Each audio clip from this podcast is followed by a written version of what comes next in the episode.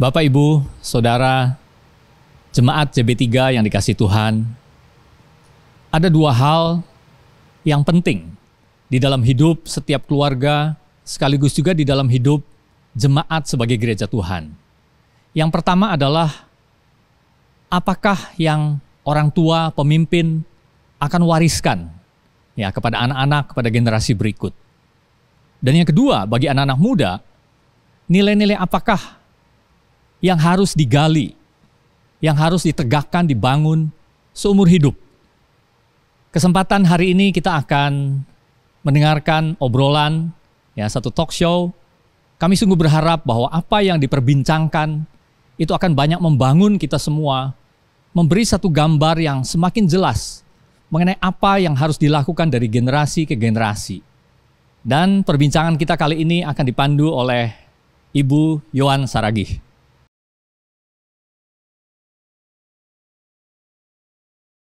Selamat pagi jemaat Tuhan. Hari ini kita kedatangan dua tamu, dua pembicara tamu yang sepertinya sudah tidak asing lagi buat kita. Dan siapakah mereka? Mereka adalah Bapak Wade dan Ibu Denise Strickland dari Cahaya Bangsa Classical School. Hari ini mereka akan berbagi banyak pengalaman yang sangat baik tentang bagaimana berkomunikasi menjangkau generasi muda saat ini. Good morning, um, Mr. Wade and Mrs. Denise Strickland. So, how are you today? Good morning. We're fine. Yep, we're very good. We're so glad to have you here with us. Now, um, so we know you're working at Cahaya Bangsa Classical School right now, but we also know that you have tons of experience working with the younger generation. so would you mind telling us a little bit about yourself? Well, first, let me share that first we, we have three biological kids who are all out of college and on their own now. And we also, just before we came here to Indonesia, we raised uh, two foster kids as well. So we, we we got them when they were already teenagers, and um, so we have, in a sense, five adult children now out in the world. That's true. Yeah. So we um we came to Indonesia about almost three years ago now, and uh, we're entering our third year this year. And we were here before in 2007 to 2010. And the first time we came, we had our three children with us, and we came and worked and helped at the school. And then we returned to America and kind of finished raising them, got them launched into university. And as Wade said, we took in a couple of um, Hispanic boys that were 16 and 17 at the time and helped get them in a stable home and just show them some love and some security and then launched them into their adulthood lives and then we were free to come and help Cahaya Bangsa again which we're so blessed and so happy to be doing Right. Yeah, and Denise has a, a long history of teaching. She's been Oh, working in the yeah. education uh, industry for a long, long time, um, if you call it an industry. And I, I uh, have been a youth group, uh, a teacher of Sunday school and things like that, and um, have also taught some as well in school. Right. So I've been hearing a lot of experience in working with people from different generations, even younger generations. And you know, sometimes problem happens in communicating with them. And people say that, you know, as older generation, maybe we need to reevaluate our methods in talking to them, you know, in mm-hmm. reaching their hearts. Mm. What do you think about that? What's your opinion about that? Yeah, well, I think fundamentally, the, the fundamental guiding principles haven't changed, right? Mm. We have in the Bible from Deuteronomy 6 where, where uh, we are instructed to pass the word of the Lord on to our children and to their children, right? And so that hasn't changed. That's foundational. We also see in Deuteronomy 4 where God says um, to teach what we have seen and experienced to our children as Christians or as believers and to their children as well. And then Proverbs 22 6 says, Start children off the way they should go, and even when they're old, they will not turn from it. So certainly there's the fundamental foundations that, that haven't changed. I would also say that, that, that Scripture kind of um, you know, parents are sort of a physical image of that relationship with God and his children, man, right? And so when we see Paul in Romans says, um, he says, uh, even while we while we were still enemies with God, He made a way to reconcile us to us to Him. And so that's sort of a mindset that even has to do with parenting and te- and um, and teaching in schools as well, and working with generations, younger generations. And so, and then of course, Jesus talks about the the prodigal son parable, which also, in a sense, shows us that same relationship, right? And so the fundamentals haven't changed, yet there's a lot of things that are different. And so there's sort of a the tactical approach may be a little bit different. Yeah. I would say the same issues that have always existed, which is sin, really, rebellion in our hearts, Yeah. loving ourselves more than um, others, right? Uh, are the things that cause broken relationships and heartache and us searching to find significance and meaning in our lives in places that are outside of God's word. Mm. Um, those things haven't changed. Mm. Um, the things that have changed maybe is the packaging, mm. maybe the way in which we communicate or the way in which young people are looking for affirmation mm-hmm. and guidance may be a little different now than it mm-hmm. was in our generation growing up. And so, what we've learned through our years of experience is mm-hmm. just having open ears to hear where they are, being available. Mm. So that they know that we love them mm-hmm. and we're for them, like mm-hmm. always communicating, we're on your side. Right. We're for Yeah. you. We're not against you. Uh, that's that's very powerful. Like, Yeah. yeah. And I would say also some of the big differences we see are, you know, between at least when I was a kid. I know there there's some parents here that are pro- probably, um, you know, we're raised with the internet already, but but the internet itself and everything that comes with it makes such a difference in our kids' lives. Whether it's um, um, you know, whether it's social media, whether it's all, you know, 24 hour access to things like pornography and other things that are, that are just harmful and destructive to our kids, or whether it's, uh, it's influence from, from really strangers who are their mm-hmm. virtual mm-hmm. friends Right. who have, you know, a strong influence on our kids. And so, you know, when I was a kid, the primary source of information for me came from my parents, mm-hmm. came from maybe new, the news media, something like that. These days, the primary source of inter- information comes from the internet and from mm. social media, mm. and for our kids, unreliable sources. unreliable mm. sources, and from people who are really not wanting the best for for our kids. Yeah. So, Right, right. I agree with you. Yes, and these days you can just bring the world with you home, Right, from the phone right. phone. So the world is Yeah. Accessible like all the time. Correct. So those who come from all generation, we've like kind of know a lot of things happening in the world. Like you said, you know, recognizing sins, and that doesn't change. But sometimes the younger generations, they they don't seem to see it the way we do. Mm-hmm. So what do you think is the problem happening here? I think the problem is part of it is a natural transition that young people go through, which is normal because you start off being very, very connected to your parents and very dependent on them. And then you grow in independence and you don't really understand interdependence yet. Mm. And so you're kind of in this independent stage, which is um, I want to push away from the boundaries or from the things that my parents say, and I want to go find out for myself. Um, our youngest son um, was famous for saying, I don't want you to tell me what to do. I want to experience it myself right. right? How often have we heard that? And and so as parents, obviously our heart is, yeah, but we want to prevent you from getting hurt. We want to give you the wisdom and guidance of our mm-hmm. experience and of our years. Mm. And we don't want you to go through some of those bad things. But the reality is we all have to experience some pain and some suffering. Mm. And our role as a parent is sort of as our children grow older, especially the younger generation, teenagers and young college age, they're finding their identity. They're trying to mm-hmm. understand who they are mm-hmm. independent of their family unit, mm-hmm. which is a healthy thing. Um, but what you want to have done is hopefully establish such a good foundation in their younger years and such a good foundation of love and trust and acceptance and safety that they feel free to try things on their own but they know they can come back to the nest. And and when things get a little out of control or scary. Right. Yeah, when um, when I was a kid, right, when I was a middle schooler, I was overweight. Maybe I'm still overweight, but You look Um, not overweight I we're was fluffy. overweight. we're fluffy.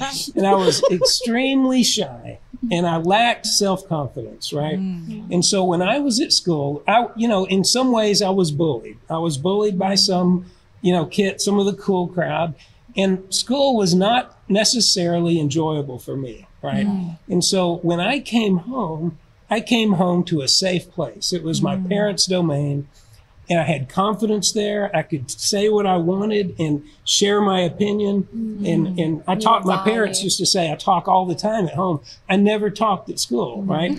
and so the point is that I can't even imagine what it would be like if I brought that school environment, that mm-hmm. middle school environment, home with me every day, and it was stayed in my room for 24 hours, and I had to see it on my phone. And, and that's what we have with social media today. Mm. And our middle schoolers, we're we're struggling with this idea that that kids bring that that world, that school world that has its pressure. good Yeah. point, the peer pressure. but it also has mm-hmm. peer pressure and anxieties. Mm-hmm. They bring it home with them mm-hmm. into what should be their safe place. And so now we have this sort of, um, you know, this this meeting of two worlds, and oh. kids sort of have to figure out, you know, who am I going to rely on?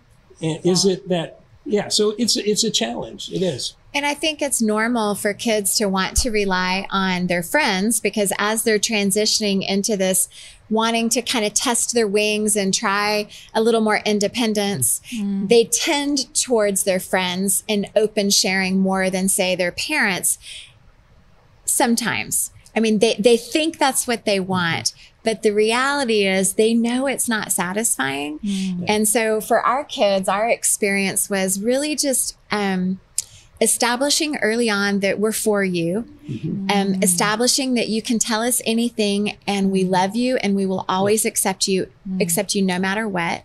Um, us spending time investing in them where, you know, if they were into the latest movies, then we would sit and watch the movies with them, or we would go to the movies with them. If they wanted to read, you know, this certain book and it wasn't my favorite book, but I mm-hmm. needed to read it because they wanted to read it, right? Mm-hmm. So mm-hmm. engaging in the things that brought them pleasure and trying to find a way to um, experience that with them and enjoy that with them. So there were points of conversation between us. Mm. It didn't mean I had to love it and I had to be careful not to mm. judge it. I couldn't say like, important. "Oh, I hate your music." It's so bad, right? We we had to be really careful because Yeah. we, especially our youngest, loved rap music, and wow, that was his least favorite music. He's- Yeah. so we would, you know, he'd be like, "Can I listen to my music?" And you're like, "Sure." And you put on your smiley face that is not really your authentic smile. it's your "I love you, Jesus, help me love this child right now" smile. And we're going to listen to your music, and we listen to it for a little while. But it also, you know, you can turn it down, and just riding in the car together, engaging in something that's enjoyable to them automatically allows for this opportunity for conversation, right? And questions and things to kind of come out. Right. And our kids know knew that we had an open door policy, um, which they frequently used because teenagers hate to go to bed early. They love to stay up all night. And when you get old, you like to go to bed early. So we're in bed at nine o'clock at night. And Maybe usually, nine. Maybe well, 10. maybe it was 10 back then. Now it's nine. But 10 o'clock at night, and here would come the teenagers, the foster boys or our biological kids. They would knock on the door. Are you still awake? And even if you're really asleep, you say, no, we're not sleeping. Come on in. Right? You let them come in, and in the dark, they will come in and sit on the end of the bed and just pour their hearts out. And there was something so precious about that. Mm. And that was the kind of environment you want to create mm. Mm. where it's okay to come talk to us about Yeah. anything, anytime. And I have to be willing to sacrifice my own kingdom, my oh own wishes, desires, wants for the sake of showing that I'm for my child and I'm available. So in other words, you're like building trust. Yeah. Yeah. You're you're creating that safe environment That's right. with Exactly. your children, Exactly. even if they are like teenagers, and they, Absolutely. they can share their stories, their life with you. Mhm. And from what I'm hearing, it takes a lot of hard work. It is a lot of hard work. Parenting is not for the faint of heart. But but here's the thing. The truth is, it goes by so quickly, and and when it's when it's over, and your parent your kids are off in in college or away from the home, you think, wow, how did the years go by so fast? And so you know, one of the things that has always been super important to us is to not allow our kids to think that we don't have time for them. Right? That's true. That's very important. It is. And in today's age, it means sometimes I have to put down my phone, right? So, um, or establish boundaries. Things like um, we used to, so when the foster boys came, they were not used to our family rules. Mm. And so one of the rules is there's no phones at the mm-hmm. table. When we sit at the table for a family meal, we put our devices away and we talk to each other. Mm. They had no concept of that. So they come to the table, they're on their phones. I'm like, hey guys, put your phones away, put your phones away. Yeah. And so I used to say an expression to them. I would say, you need to be present where you are. Mm-hmm. Be present where you are. Mm. I'm not present. I'm I'm off in my little world with my friends if I'm on my phone and I'm sitting physically next to people, but I'm not mentally and emotionally present. And so um, they really it took them a while. They didn't love it. Um, the other thing that we also had a rule was in the car um, with the foster boys, especially, they loved to put their ear pods in so that they were in their own world, listening to their own music. Um, and I would say, I don't mind you listening to your music, but in the car, I want one mm. earphone in and one ear open. Mm. Because if I need to talk to you or if we want to have a conversation, I feel like I'm interrupting you to try to have a mm. conversation when you're sitting right next to me in the car. And so they didn't like it at first, but they began to really love it. And so over time, we're driving driving him to school, driving him home. One earplug, you know, earphone is in. But I would say, so how was school today? Tell me something that happened. Right. In the beginning, it would just be one or two words. but over time, over time, over Right. time, they slowly would start offering up information. They'd get in the mm. car and say, Oh, I had a terrible day. You're kidding. What happened? I would notice pretty soon they wouldn't even mm-hmm. put the earpods in because they just came in and they just wanted to start talking. Mm. And, you know, that's just really important.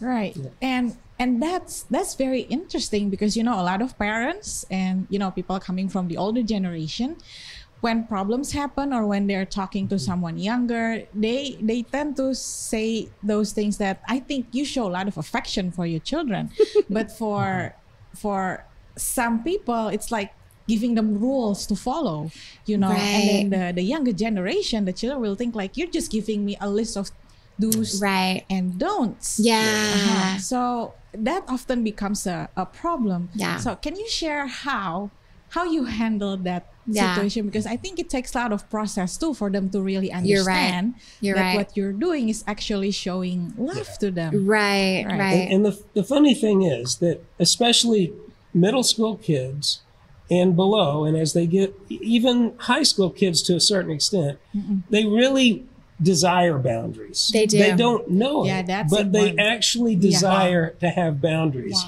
And so what seems like I mean, honestly, it's it's important the way we communicate the Mm, that's- rules Right. because we don't want to say, "Here's your list of rules. You better follow them or else." Right. We want to explain. So, you know, in our family, we really like to have conversation. We want to get to mm-hmm. know you. We want to know how you did today. That's so th- that's why what, what we want is for you just to keep one earplug in. I don't mind if you listen to music, mm-hmm. but just be ready because we might want to have a talk. Mm-hmm. And y- y- in, o- in other words, we don't give it as this authori- authoritarian set of rules, but rather it is um, there's a reason for it, and and we Yeah, explain that, that's right? Yeah. Yeah. Yeah. Yeah. giving the reason why. Right. And um, one of my favorite moments of parenting ever, and this is when you know you've been successful, is um, with the foster boys. We went out to dinner one night, and it was actually with the foster boys' birth father. And so their birth father was at dinner with us, or I think it was breakfast actually. And we were sitting there, and he was real busy on his phone, their birth father. And he was, you know, playing on his phone, and we're all sitting around the table at, you know, at this picnic table outside. And um, it was bothering our foster son so much, our oldest one. He kept saying, my dad is just playing on his phone. And I said, I know it, it- but he's an adult. You know, he, he gets to make those choices. And I said, it doesn't feel very good, you know, when mm-hmm. someone's not paying mm-hmm. attention to you, but you know, mm-hmm. it's not really your job to parent him. But it just was eating our foster son Jeremiah up. And finally he just goes, Dad, when we sit at the table, we put our phones away because you have to be present where you are. and in my heart of hearts, I was like, yes, yes. Now, now keep in mind, Jeremiah was what, 18? I mean, was- he's not like a child when he's telling his dad this. Yeah. He was He's- he's a- 18. And Yeah. how long has they been with? Have they been? He was with really you? 19, I 19, think. Yeah. I think so. So yeah. they had been with us two mm-hmm. years at that point. Mm-hmm. So that was two years of training. But it was good to hear the message was sinking in. Yeah, yeah, and he he really understands. It's not like he memorizing things. And Right. he didn't do it out of fear. Uh-uh. But He did it- totally got it in that Yeah. moment. He's Yeah. like, now I see why we do that. because in that moment he saw it and he could see He could what see we it in practice, right? yeah. Yeah, and Mm-hmm. I want to highlight what Wade said that communicating it well Yeah. is very important. It is. and telling them the reason why instead of just giving a list Correct. of do's and don'ts. And that often, you know, we often mm-hmm. miss that. We Yeah. do. Yeah. Because And yeah. yeah, one of the things that's just inc- as important as it gets is that our kids need to be always assured that we are on their side. Mm. Denise has already Yes. mentioned it. We love them. We're on their side. We're not giving you a list of rules to punish you. Mm. Our goal is not to catch you do something, doing something wrong and punish. Mm. Our goal is to guide them because Yeah. we want them to be happy. Yeah. That's the key. Yeah. We want them to be happy and successful. And sometimes to be happy means I have to say no. You mm. may not realize this right now, but for me to mm-hmm. say no to you right now actually is going to make you happy later. Mm. But because I'm older than you and I have wisdom that you don't have yet, I'm giving mm. you the benefit of my wisdom. Mm-hmm. Mm-hmm. Yeah. And that is also something that perhaps the younger generation they don't realize it yet because Yeah. they haven't been there yet. Right. You know. Right. And yeah, and I get from what you said that um, what the younger generation actually needs. You said that they need security, Right. boundaries, boundaries, acceptance. Also. Yes. So I want to ask you, what happened if, let's say, they break rules? It's a great question. They get consequences. Yeah. Great question. How, do you to handle that? I want to start with a story with one of our foster boys again. Um, He had just been with us maybe a month, and we were driving. I was driving him to school one morning, and uh, this is very typical if you do research on kids who've been in a very unsafe environment.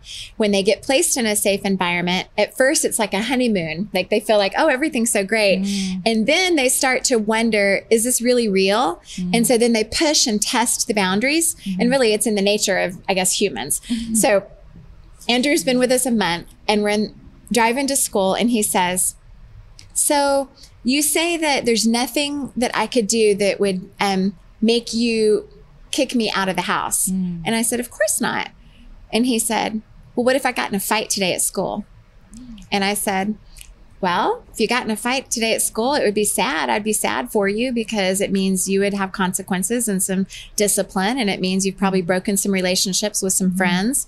I think that would be sad, but that doesn't mean I would ask you to leave. Well, what if, what if I killed somebody? Whoa, And As I'm, dri- I'm, dri- I'm driving down the road going, um, Jesus, give me strength, give me wisdom. what do I say? Because I'm like, oh man. And so, just by God's grace and His Spirit, because in that moment I did whisper just a prayer to the Holy Spirit. I was like, Holy Spirit, please give me the right answer. Because I knew what Andrew was asking. Andrew was asking, is when will you stop loving me? Where's the line that you will stop loving me? And I mean, murder, that's a big line. Hmm, Should I call 911 now? Right. yeah. I'm like, are you planning on that? No. so I'm just praying. And I said, well, I said, you know, Andrew, I would not be the one that would kick you out of the house. It would be the police would come and arrest you and take you away because it's against the law. And my heart would break for you because I know that you would be so broken inside mm. after hurting someone like that. Mm. And he just was silent for the rest of the way to school. Didn't mm-hmm. say anything. Mm. He got out. I was like, have a good day. And I'm like, Lord, please help him not murder anyone or get into a fight. You know, like really worried about what's going to mm-hmm. happen today. Right. But it was the last time he asked those questions. Like he had done it for a series of days on the way to school and he'd given different little scenarios, but that was like he hit the big, the big one mm. and he was waiting to see what's the response. Mm. And, and it was a really important moment to help him mm. see that we don't stop loving you no matter what you do. But there will be consequences to bad choices because that's how life is. Yeah. That's that's very interesting, Denise. And I, I found it very, you know, enlightening because, you know, sometimes our first reaction when mistakes happen, Yeah. especially in that scale, Yeah. you know, it's like we give into our own emotional, right You know, like we're, what have you done? That's Correct. probably gonna be the very first reaction. It's like maybe angry or Yes. upset.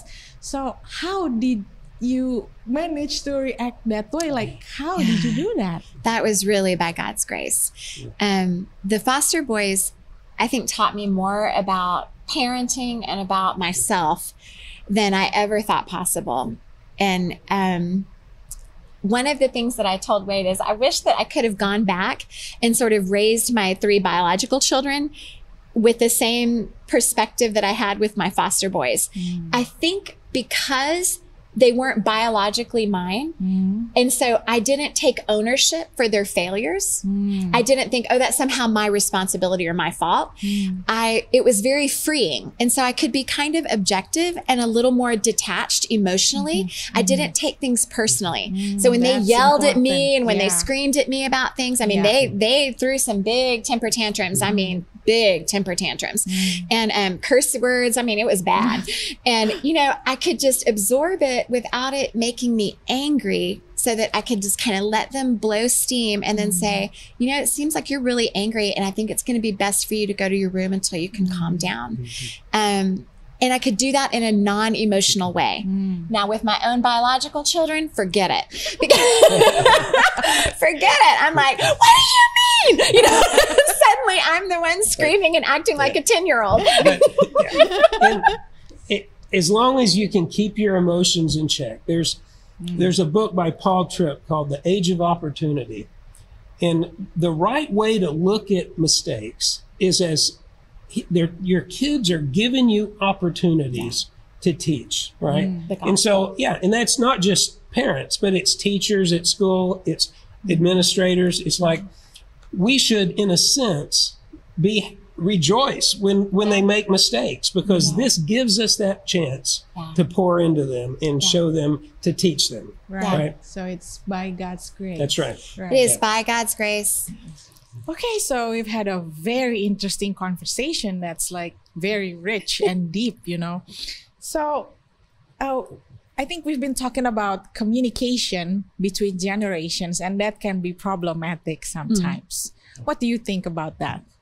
Yeah, I I think that um, you know one of the most important things for you know whether you're parents of kids or whether you're teachers of kids, it's availability, right? Availability. Are we available? And um, and the truth is, when the when kids need you as a, as an adult to be available for them, is typically not when you want it to be. It's usually not convenient. That's right. It's usually at that time when you've got something really important going on Oh, and you don't have time. And quite often it's really tempting to say, I don't have time for this. You'll have to wait. But it's really important as parents, as teachers, as even grandparents to say, what is it you need? I'm here. What Right. can, to put your things aside. Yeah.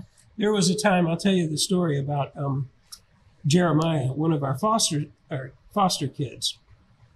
He had been we, we didn't realize it, but he had been creating this relationship with a girl he met online. Mm. And he was he had gotten his driver's license about a year ago or, or less, probably than less. less. And so he was driving himself to work, and after work he would go see this girl. Mm. We didn't. we know didn't know mm. But um, and because so, he told us he was still working or so- cleaning up. Yeah, so we didn't know he was not at yeah, work. So you can see, you know, he wasn't a perfect foster kid at all in any way. Mm-hmm. But there was one night. Um, it was time. Really, I was about to go to bed. It was like midnight. I was.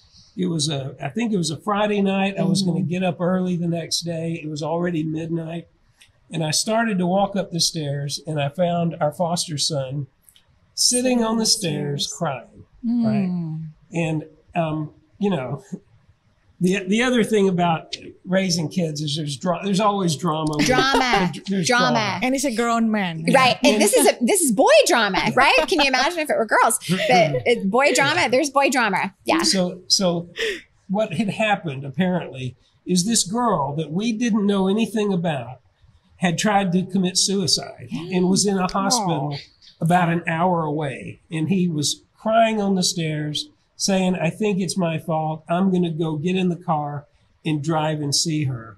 Her her mother is calling me. Hmm. and so what I wanted to say honestly is I don't know why you've been seeing this girl. You shouldn't have. Go to bed. And it's not your problem. It's not our problem. Go to bed. Hmm. That's what I wanted to say. But I realized that was not the right thing to do. Hmm. And so I sat there and I talked to Jeremiah and I drove with him for an hour. This was at midnight. So we get to the hospital at one o'clock in the hmm. morning. Hmm. We spend a- an hour and a half there and come back. Now, the truth is, though I would not have chosen to do it that way, God had given me this incredible opportunity to talk to Jeremiah for one hour to the hospital in the middle of the night and an hour coming back about all of those issues, all of the things we just mentioned. And that was the opportunity. Was it the way I would have chosen it? No, but hmm. God chose it that way. And hmm. so take it when you get it, right? Yeah. Because Yeah. we need to be always available, right? Yeah. Mm-hmm. So one of the things about parenting is it's inconvenient and it requires you to be unselfish.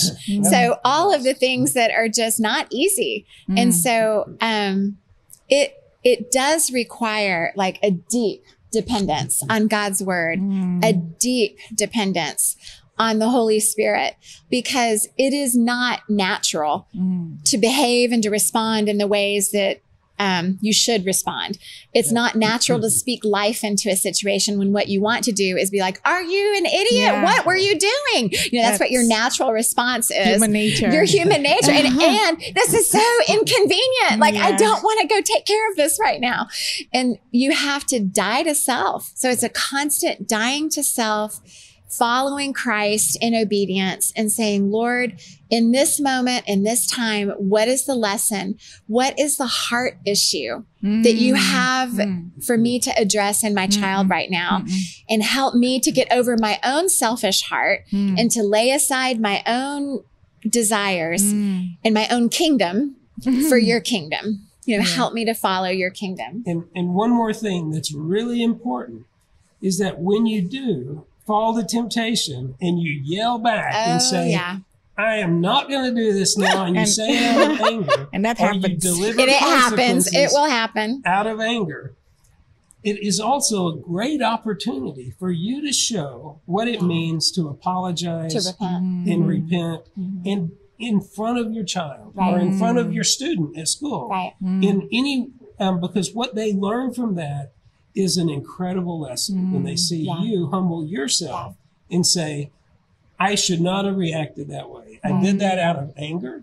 Mm. There is a consequence and i'm so sorry you have to have it but please forgive me for yelling out of anger and wanting to punish you because I'm angry, Right. Instead of because Right. I love you. Right. That is exactly right. Yeah. They need to know because they know whether you say it and admit it or not, they know when you're disciplining them from your own anger Yeah. and Mm. irritation or whether it's out of love and for their good. Yeah. And so whenever I can confess that and acknowledge it, then I actually build credibility and I build trust with my child Mm, because they already know. important. I don't need to, I mean, it's not like they don't know. They're like, yeah, you were like off your rocker there. You were so angry.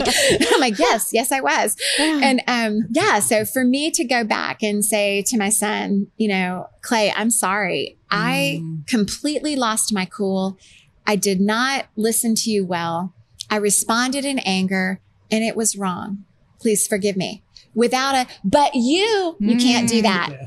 yeah. That's not true repentance because it has nothing to do with, with what he did. It has everything to do with, with the way I responded. And um, so I have to really humble myself and say, Mm. that was wrong. I'm sorry. Right. Please forgive me. I was not being a godly example of a mother. And every single time our children have responded with, Oh, mom, I'm sorry. I was wrong too. Please forgive me. Mm. And it immediately were restored with a hug and tears and just a beautiful, it's a beautiful thing. Right. And when you establish that kind of availability, which again is super important, Mm. it And authenticity. in authenticity and openness with your kids. Right. Those are all important. Openness, authenticity, um, availability. To this day, our 22 year old, 23 year old, 22 year old well, son, all five of our children, actually. they call us frequently Yeah. to discuss their current problems, their relationship issues, That's, what's going that's on. wonderful. Yeah, It really. is, it's such a gift to be in the position where you are really your child's friend. Yeah. Because I think we went to a family seminar uh, this last weekend with CBCS, Yeah. and I loved one of the things the speakers said. They talked about being your child's friend is absolutely your goal. But it doesn't mean that you behave like their friend in the Mm. beginning. That's important. Right. that there's these stages that everyone goes through. Yeah. And there's the discipline stage, there's the Yeah. training stage, the coaching stage, Mm-mm. and then you get to friendship. And where we are right now, our adult children view us as their friends and their counsel.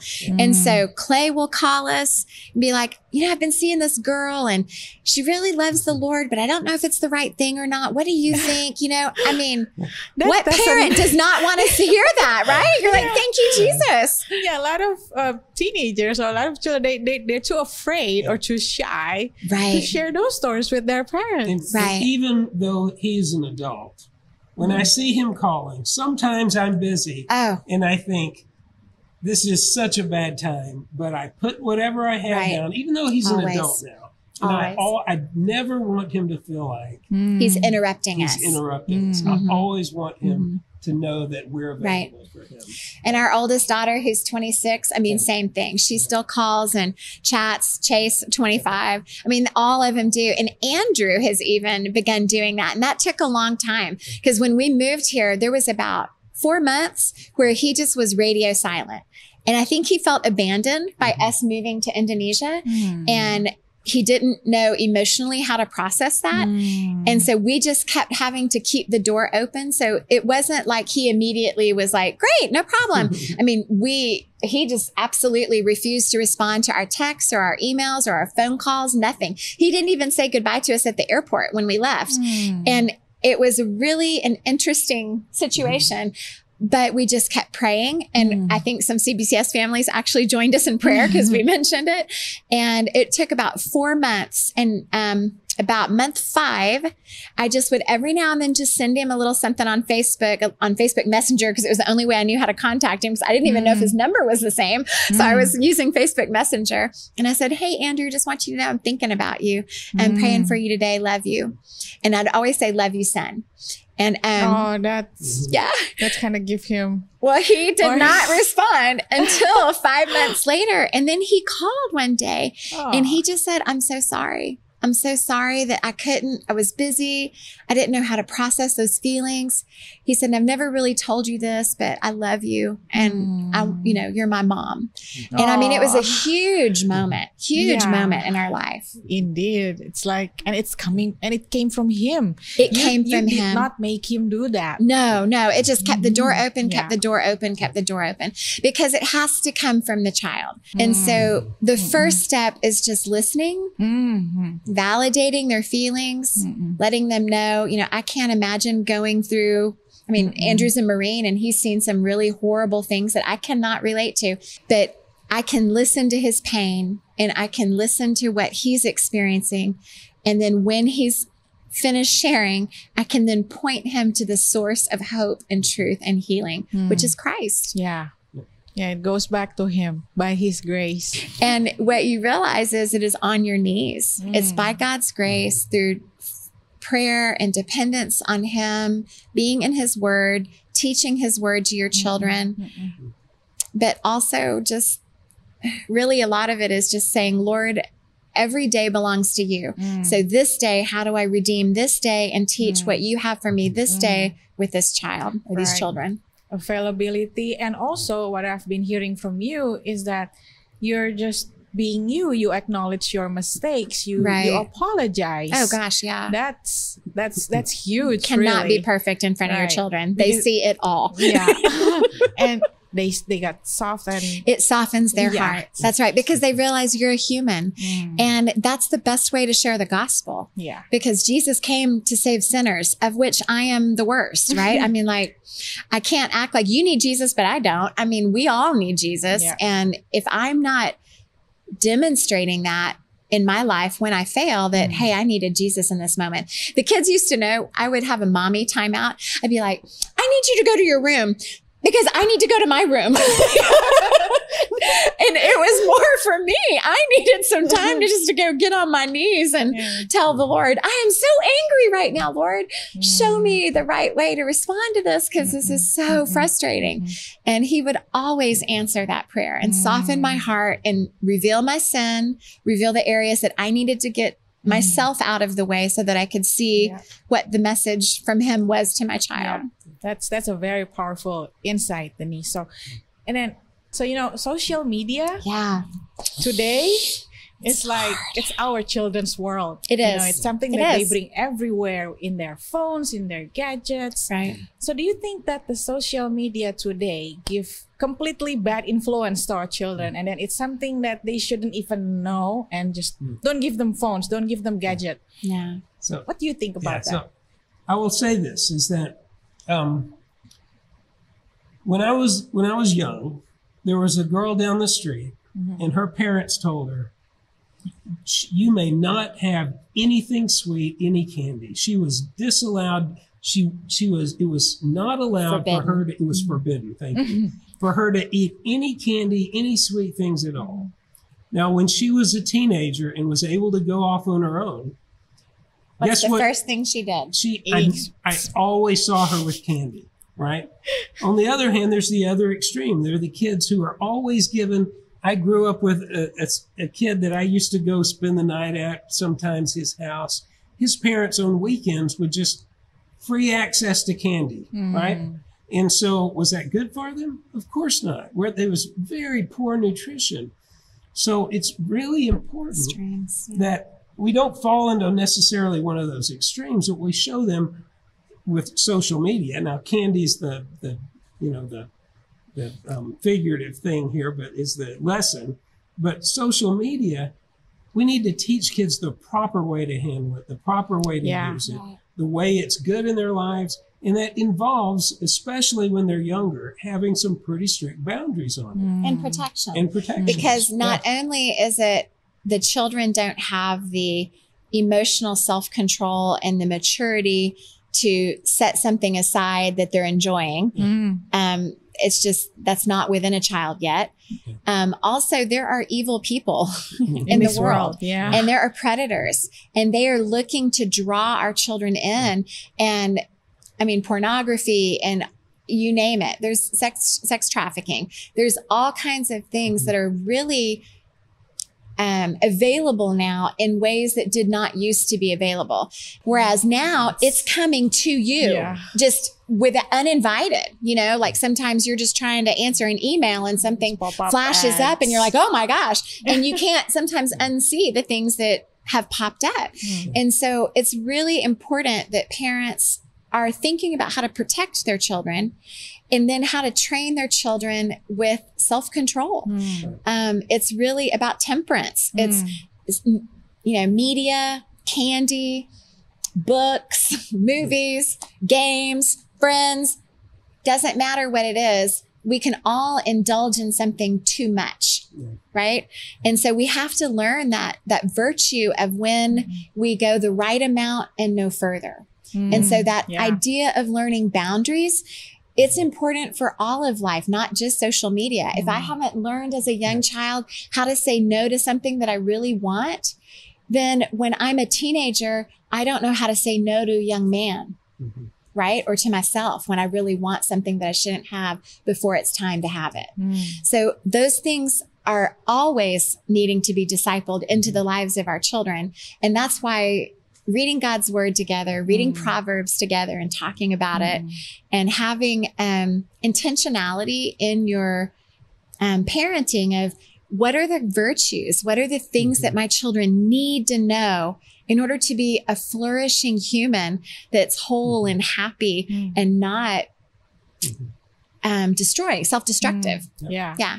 One of my um like singular moments in my childhood, um, I can remember I was, I think I was about 12 or 13. And I remember coming out of my bedroom really early in the morning. And I, it was real quiet in the house. And I started to go into the kitchen and I saw my mother at the kitchen table with her Bible open. And she was weeping and she was like had her head over the bible and i could tell she was it was kind of an emotional moment for her and it was like it's a picture that i will always have in my head because my mom was not a fabulous mom in some ways and just like i'm not a fabulous mom in some ways i mean she had her faults and her failures but what she did was establish a picture in my mind that has stayed with me for a lifetime Mm. which is when you're hurting and when life is hard, God's word is the place that you run to, Mm. and God will hear you when you are hurting. Mhm. And I will never forget that scene because I learned in that moment God's word is a place of refuge, and that's an important place to run to Mm. when you need hope and when you need help. Mhm. And it has an image that stayed with me for my life. Let your children catch you in the Mm. word of God. Right. Let your children see you running to God when you need help. yeah. That's a legacy. yeah. It's a legacy. Yeah, that's a legacy that she left me, even though there was a lot of things that weren't perfect in my home life. Mm-hmm. That mm-hmm. is a legacy that is a beautiful legacy, and I'm so grateful for it. Right. Wow, that's that's powerful. And we can learn also that they get their wisdom from the word of God. Amen. So that's that's the true source of Yeah. life. We Amen. can't give something that we don't have. That is exactly Right. right. Exactly So right. to wrap up our conversation today, I just have one final question. Sure. Do you have any advice or suggestions how to reach the hearts of the younger generation? Hmm. I think one of the things for us to remember as parents is to be conscious of what the opposite storyline in the world is. So we know that God loves us, He came and died for us, and that there is deep satisfaction in relationship with Him, and Christ has made that way for us to have that. What is the competing storyline that the world is telling? Um, are, is the competing storyline that you have to be successful, you have to have um, a certain look. Is it that you have to go fight for social justice and reform, make your mark on the world? I mean, what is the storyline that the world says this is what will make you happy and satisfy you? And then what our job as parents is, is to make sure we're discipling our children or we're living out in front of them and we are communicating to them that the world's story will never have a happily ever after Mm-hmm. because it's not possible. the happily ever after is only ever found in Christ Jesus. Hmm. Yes. Very good. Yeah, and for me, um, definitely that's true. And I, I really believe that that uh, the older generation has to have some understanding. Just understand that the kids are going through challenges that maybe they're not familiar with, Right. and things that are, um, you know, are particularly difficult in their lives. And we, as an older generation, we need to be understanding, and we hmm. need to be, like we said, a safe place. Hmm. We need to have give them assurance that they're loved. We need to hmm. be open with them, ready to have open conversations and available.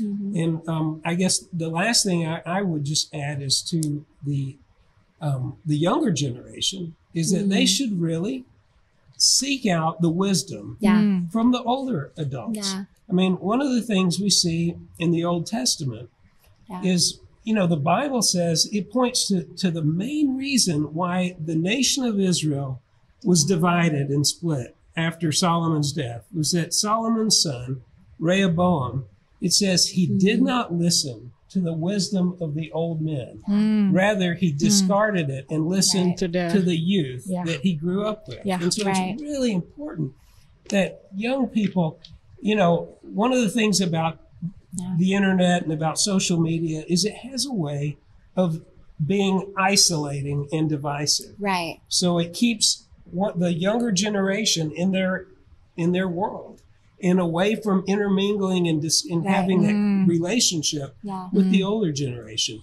And I would just say that it's so important for the younger genera- generation Hmm. to seek out Yeah. relationships with older Christians Yeah. who they can who can be their mentors and pass on important wisdom. Yeah. God created us for community and he created us to be interdependent upon each other. And the younger generation brings life and joy and kind of fresh ideas to the older generation.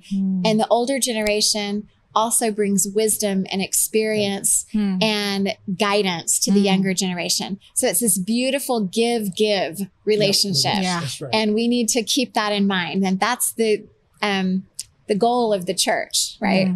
Yeah. So it's And two our ways. yeah, it's two yeah. ways. And our family is just a little microcosm of the whole church. Yeah. Yeah. Right? Because Yeah. God instituted the family first. It's the first social institution where we practice raising up, you know, the next generation. And then the church is just an expansion of the family in that Yes. sense. Agree. Okay, so thank you so much, Denise Thanks and Wade Strickland. us. We're You're so welcome. happy and glad to have you here. we learned a lot, and hopefully, this is not the last time we have you here. so maybe we're gonna have more of this conversation where we can learn a lot from you. Thanks. So begitu eh, jemaat Tuhan sekalian, kita sudah belajar banyak. Eh, semoga bisa memberkati kita semua. Terima kasih, Tuhan memberkati.